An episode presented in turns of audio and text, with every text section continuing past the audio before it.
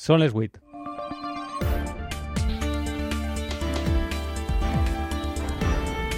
Les notícies de la nit amb José Soler.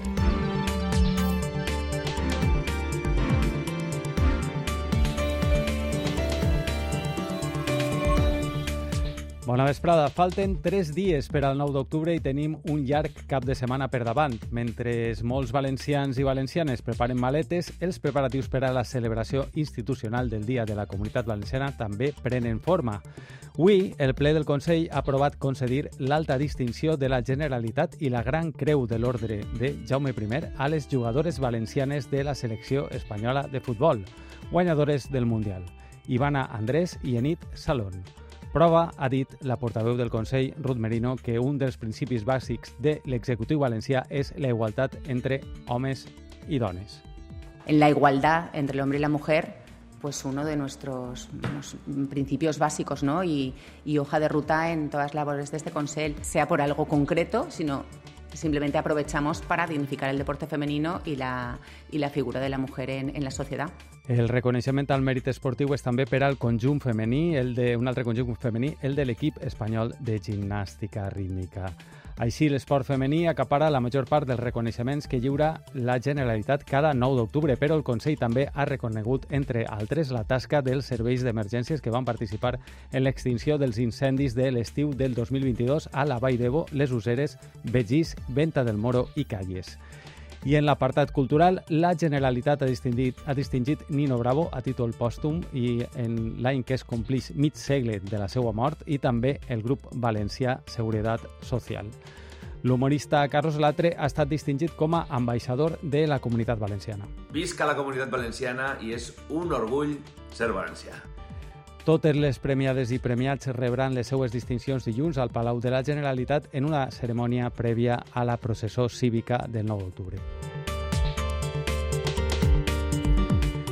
I amb la, amb la festivitat del 9 d'octubre encetem un cap de setmana llarg, tres dies lliures que, combinats amb el bon oratge, han fet que molts valencians trien fer turisme dins la comunitat valenciana i deixen unes dades d'ocupació més que positives amb una mitjana del 80% de les places reservades. Núria Montes és consellera de Turisme.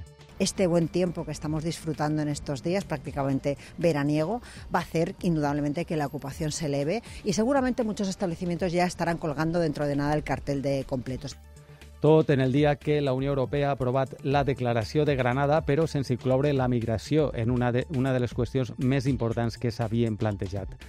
I en esta cimera, Pedro Sánchez s'ha referit per primera vegada a l'amnistia en el marc de les negociacions per la seva investidura i s'ha desmarcat de la postura de Sumar.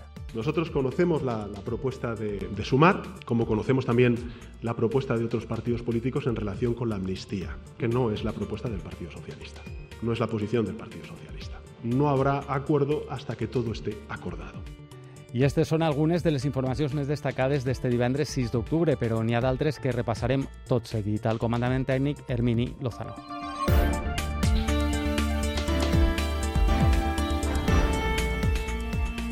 Avui fem un ràpid repàs pels esports. Amparo Salmerón, bona nit. Quins titulars tenim? Bona nit. A les 9 d'esta nit arranca la jornada 10 en segona divisió amb el partit entre l'Albacete i el Llevant. Els granotes estan invictes fora de casa i pretenen mantenir la ratxa. Dos punts separen els equips en la classificació i s'espera, per tant, un partit trepidant. A la Fonteta es disputa també esta nit, d'ací no res, de fet, a les 8 i mitja la primera jornada de l'Eurolliga. El València Bàsquet rep el Mónaco, un dels grans favorits al títol. Serà la quinta participació de l'equip taronja en esta competició en els últims 8 anys. La bona notícia per als locals és que el Mónaco arriba sense l'estrella de l'NBA, Kemba Walker, i tampoc eh, també sense l'extaronja Lloyd. El pivot nord-americà Semi Ojeley és la gran referència del conjunt local, d'Alex Mumbro. Estarem molt pendents també a la mateixa hora altre partit de l'Eurolliga que es disputa, com dic, a la mateixa hora, un duel espanyol entre el Basconia i el Real Madrid, el defensor del títol.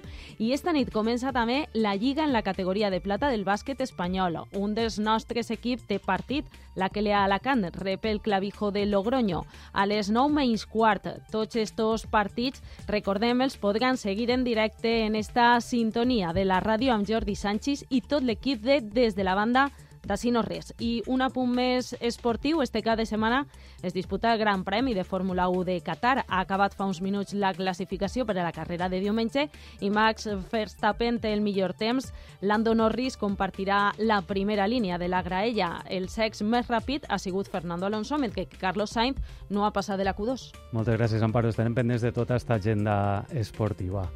I en l'oratge, la calor atípica no afluixa. Avui, de nou, ha sigut un dia calorós. Bona nit, Joan Carles Fortea. Hola, bona nit. Efectivament, avui encara hem tingut temperatures que han arribat a per els 33 graus a observatoris del terme, per exemple, de Sumacasa o també de la zona de Requena. Hores d'ara, quan són les 8 i 5 minuts, eh, un 6 d'octubre, estem registrant temperatures que estan entre 25 i 27 graus al litoral i arribant ara a 30 i 31 graus a Villena, Requena o Morella. Per tant, gens habitual la situació meteorològica actual, amb un estat de calma total a hores d'ara, alguns núvols baixos, humitat, però molta tranquil·litat. I sembla que de cara al cap de setmana i el dilluns 9 d'octubre la situació serà similar. Sí, de moment no tenim canvis a la vista, no s'albiren canvis, per tant, com comentaves, un horatge molt tranquil i molt estable. No sé si dir que és un bon horatge quan no fa l'horatge que toca perquè estem fora de dades i mm. és una barbaritat les temperatures que estem registrant. Repetirem la jugada dissabte, diumenge i dilluns. Núvols de matí, boires, al migdia lluirà el sol, temperatures entre els 26 i els 31 graus, superant en algun punt de, de l'interior i 30 graus, i que al matí entre els 18 i els 20 cap a la zona costanera. Mar molt tranquil·la, temperatura de l'aigua del mar també en dades que no són normals per a aquestes dates, 25-26 graus, i per a canvis haurem d'esperar com a mínim per al 14-15 d'octubre s'observen canvis. De moment, com a mínim els pròxims 3, molta tranquil·litat. Moltes gràcies, Joan Carles. Fins ara. Escoltes a punt. Les notícies de la nit.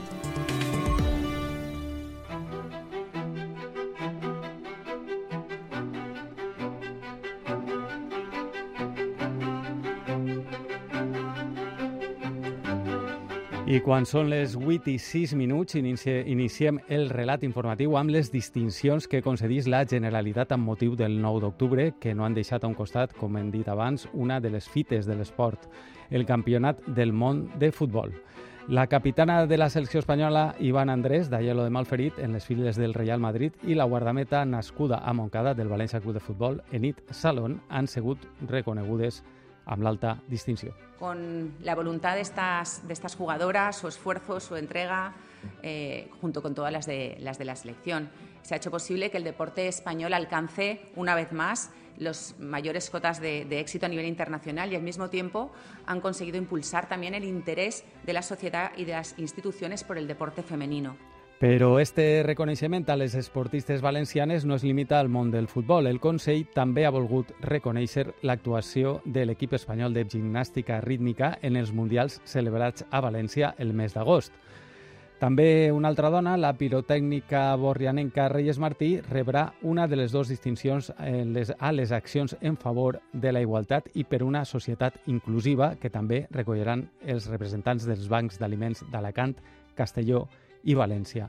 Jaume Serra és el president del de València. Això és el reconeixement a un treball diari de durant 30 anys, tant al món del voluntariat, que és bàsic a les empreses, als centres comercials. És un treball, vamos, sense quartel cada dia, i per la seva actuació coordinada rebran la distinció de la Generalitat els serveis d'emergència, seguretat i protecció civil que van participar en els treballs d'extinció dels incendis declarats l'estiu de l'any passat a la Vall d'Evo, les Useres, Begís, Venta del Moro i Calles. La distinció al mèrit científic és per a l'equip de cirurgia cardíaca de l'Hospital La Fe de València per l'excel·lència en haver arribat a un miler de trasplantaments de cor.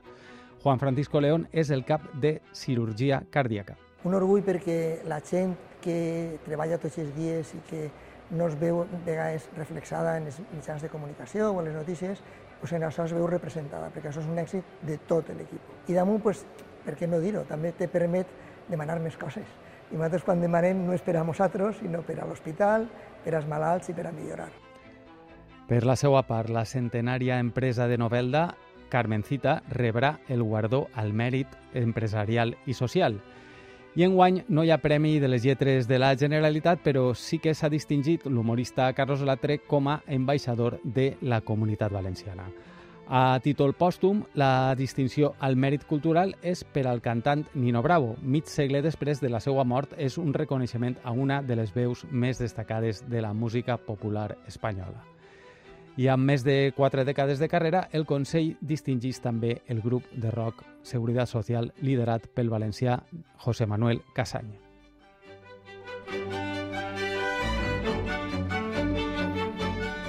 I en este context, els socialistes valencians han demanat avui la protecció, defensa i l'impuls de la llengua i la cultura valencianes. Ho han fet en l'acte de lectura d'una declaració amb motiu del 9 d'octubre, un manifest que ha llegit a les Corts el president del grup parlamentari Ximo Puig, que ha criticat el govern valencià perquè assegura s'ha plegat a l'extrema dreta. Nosaltres, durant aquests anys de govern, hem demostrat que és possible un bilingüisme actiu. Un, nosaltres hem parlat en castellà, en valencià, hem respectat Ara, en aquests moments, qui marca la línia cultural del govern és l'extrema dreta. És el govern més extremista de la història de l'autogovern i això té conseqüències. Ho estan veient vostès així en el Parlament. El valencià pràcticament és una anècdota. Ningú l'emprea.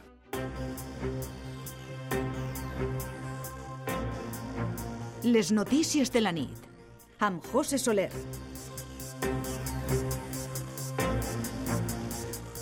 I canviem de bloc. L'oposició de Polònia i Hongria al pacte de la Unió Europea sobre migració i asil ha impedit aprovar una declaració final sobre migració amb el suport de tots els estats membres en la cimera informal de Granada este divendres. En canvi, els líders del 20, dels 27 han aprovat un text conjunt sobre la resta de qüestions abordades en la trobada a la ciutat andalusa. Rafa Salom ho ha, ho ha estat seguint. Ja de matí, el canceller alemany havia dit que ningú esperara una decisió important d'una cimera informal com la de Granada. I així ha sigut. La declaració dels 27 no inclou la migració, previsible si es tractava d'evitar un trencament total amb Polònia i Hongria, que es neguen al repartiment de migrants. Així que el text final és només una declaració d'intencions. Primera, potenciar la cooperació exterior. Cooperation the field of Hem de relacionar-nos amb els països tercers, ha afirmat el president del Consell Europeu. Segona intenció, la presidenta de la Comissió anuncia un paquet de 150.000 milions per als països d'origen dels migrants i més ajuda als països de trànsit. I tercera, lluitar contra les màfies, perquè es tracta de delinqüència organitzada. And we have to fight the smuggling like organized crime. El que sí que s'ha aprovat és el reglament del pacte migratori, el que tracta de la gestió de crisi urgent, un èxit per al president del govern espanyol. Ahora es cuando ya va a empezar el trílogo con el Parlamento Europeo y podamos de una vez por todas tener un acuerdo político. On tampoc n'hi ha hagut acord ha sigut en les qüestions sobre l'ampliació de la Unió. La pròxima cimera formal serà al final d'octubre. I en el tancament d'esta cimera de Granada, avui hem sentit per primera vegada Pedro Sánchez pronunciar en públic la paraula amnistia. I ho ha fet per a desmarcar-se de la proposta que Sumar ha encarregat a diversos juristes i que Yolanda Díaz, Díaz presentarà dimarts a Barcelona. Un dia abans, Sánchez s'entrevistarà amb Feijó per a constatar que el PP votarà no a la seva investidura i avui el Partit Popular ha exigit a través d'un comunicat que la presidenta del Congrés, Francina Armengol, fixe ja la data del debat. Ens ho explica tot en esta crònica Xavier García del Valle. Ha costat setmanes, però finalment Luis Sánchez ha pronunciat la paraula més reclamada i el que espera d'ella. Nosotros conocemos la, la propuesta de, de Sumar, como conocemos también la propuesta de otros partidos políticos en relación con la amnistía, ¿eh? que no deja de ser bueno, pues una forma de tratar de superar eh, las consecuencias eh, judiciales a la situación que vivió España en el año 2017. Tot i compartir l'objectiu, Sánchez es desmarca. No és la proposta del Partit Socialista. Eixa la farà pública a dit després de parlar amb tots els partits i amb el PNB ja ha començat. Ho confirma el portaveu basc, Aitor Esteban. Sí, sí, estamos, estamos hablando y, y vamos a ver cómo se desarrolla la cosa. Pero bueno, la pelota ya está en juego. No habrá acuerdo hasta que todo esté acordado. Sumar, mentrestant, continua treballant a Catalunya. Ja han presentat a Junts i Esquerra l'informe d'un grup de juristes que faran públic dimarts. Yolanda Díaz avança detalls, però no confirma que afectarà encausats del procés des del 2013, inclosos els policies de les càrregues de l'1 d'octubre. Sabemos que tiene que ser una ley de carácter orgánico, sabemos también que tiene que ser una ley general. Junts contestarà prompte a Esquerra i el seu president Pere Aragonès els ha convençut. Crec que tenim assumit que l'amnistia és un fet. I dilluns es repetirà l'escena del passat 30 d'agost, però intercanviant papers. Sánchez, aspirant ara a la investidura, serà al Congrés l'anfitrió d'un feijó que arribarà amb el no en la mà i una bona llista de retrets. La secretaria del PP, Cuca Gamarra, ho avança així. España está centrada en si Sánchez cede o no cede ante el chantaje que le imponen los independentistas. Pedro Sánchez només li demanarà el desbloqueig del poder judicial. Feijó obri una setmana intensa de consultes del candidat. Sánchez tindrà fins a 14 entrevistes al Congrés, amb partits, sindicats, patronal i el sector cultural. Tot el món estarà sobretot atent a les converses amb Esquerra, dimecres, i amb Junts, divendres de matí. I en l'àmbit judicial els contem que cap dels més de 60.000 correus electrònics analitzats per la policia demostren que des de la Conselleria d'Igualtat i Polítiques Inclusives s'intentara tapar el cas d'abusos sexuals pel qual està condemnat l'exmarit de Mònica Oltra. Des de Compromís, la seva portaveu adjunta, Isaura Navarro, ha reivindicat la innocència de Mònica Oltra i ha demanat al president Carlos Mazón que no faça un ús partidista del cas. Isaura Navarro, síndica adjunta de Compromís. Li demanem a Mazón que deixe de sostindre un muntatge contra una persona que és innocent, innocent, com s'evidencia en cada prova que n'hi ha. Són 48.000 mails en els que se deixa clar que tot l'equip va dir sempre la veritat.